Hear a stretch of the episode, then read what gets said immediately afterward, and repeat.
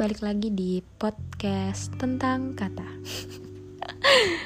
Oke, lagi-lagi aku bikin podcast ini di waktu tengah malam sekitar jam setengah 12 dengan alasan ya karena memang jam-jam segini tuh cocok banget buat ngerekam suara atau ngerecord. Gak ada suara-suara lagi gerasa gerusu. Apalagi kan ya kos kosan lah ya. Jadi kalau si pagi sampai sore ya lumayan rame. Jadi kalau jam-jam segini kan orang pada istirahat. Dan paling cocok buat ngerekam sore ya jam segini. Oke okay, hmm, gimana ya? Podcast kali ini sebenarnya berangkat dari keresahan sih yang aku alami beberapa bulan ini gitu. Nggak jauh-jauh dari tema-tema yang kemarin soal depresi karena gini uh, isu kesehatan mental di masyarakat Indonesia ternyata masih sering dianggap sebelah mata gitu. Padahal hmm, pada kondisi tertentu masalah kesehatan mental seperti depresi bisa berujung pada bunuh diri. Waduh. Nah, sayangnya di Indonesia yang mereka yang mengalami depresi itu masih kerap mendapatkan stigma di masyarakat. Kayak stigma tersebut tuh justru membuat kondisi seseorang makin parah gitu. Dan pastinya stigma yang sering dialami oleh orang yang depresi adalah stigma dari publik. E, contoh kalimat-kalimatnya tuh seperti lo tuh kurang bersyukur kurang beriman.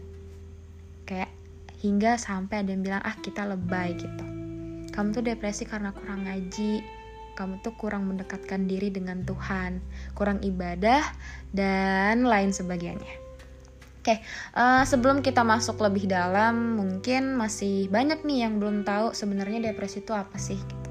Aku lagi ngutip di Alo Dokter sih tadi.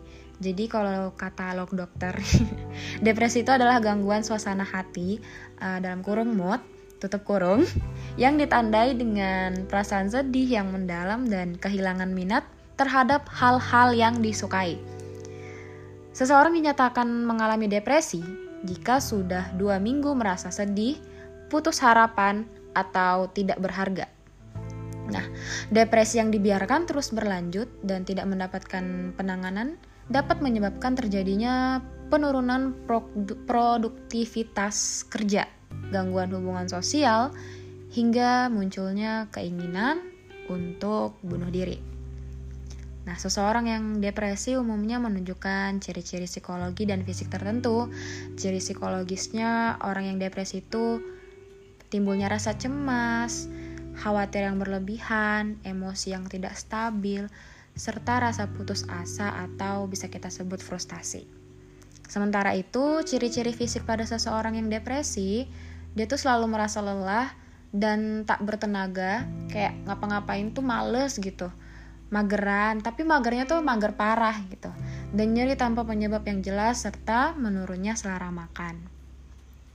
Jadi ya kayak uh, aku adalah dari sekian banyak orang yang harus mengkonsumsi antidepresan dan rutin ke psikolog maupun psikiater setiap bulannya dan sebelum memberanikan diri nih minta kebantuan yang lebih profesional, aku tuh juga pernah berada di titik di mana aku berpikir orang-orang yang depresi ialah orang yang kurang mendekatkan diri pada Tuhan uh, atau biasa kita sebut sebagai orang yang kurang beriman. Gitu. Sampai di titik aku juga pernah mikir gini, semua sakit mental akan selesai hanya dengan meningkatkan intensitas ibadah dan menghadiri majelis ta'lim. Hah, ternyata realitanya nggak semudah itu, Besti. Ternyata penyakit jiwa itu spektrumnya sangat luas. Jadi para psikolog dan psikiater bekerja berdampingan dan menggunakan pendekatan yang berbeda untuk membantu menyembuhkan pasien sesuai dengan kebutuhan. Nah, dalam kasusku sendiri, aku merasakan depresi itu tuh seperti ada benang yang kusut banget. Yang saking kusutnya benang itu, aku sendiri tuh nggak bisa nguraikan sendiri, nggak bisa nguraikan tanpa bantuan orang lain gitu. Menurutku kondisi pikiran yang gak sehat itu berpengaruh ke performa ibadah jadi sebatas ritual aja gitu dan jujur aku sulit menemukan ketenangan pada saat ibadah di dalamnya but uh, dari sini tuh aku sadar aku nggak boleh membatasi ikhtiarku pada ritual-ritual ibadah saja.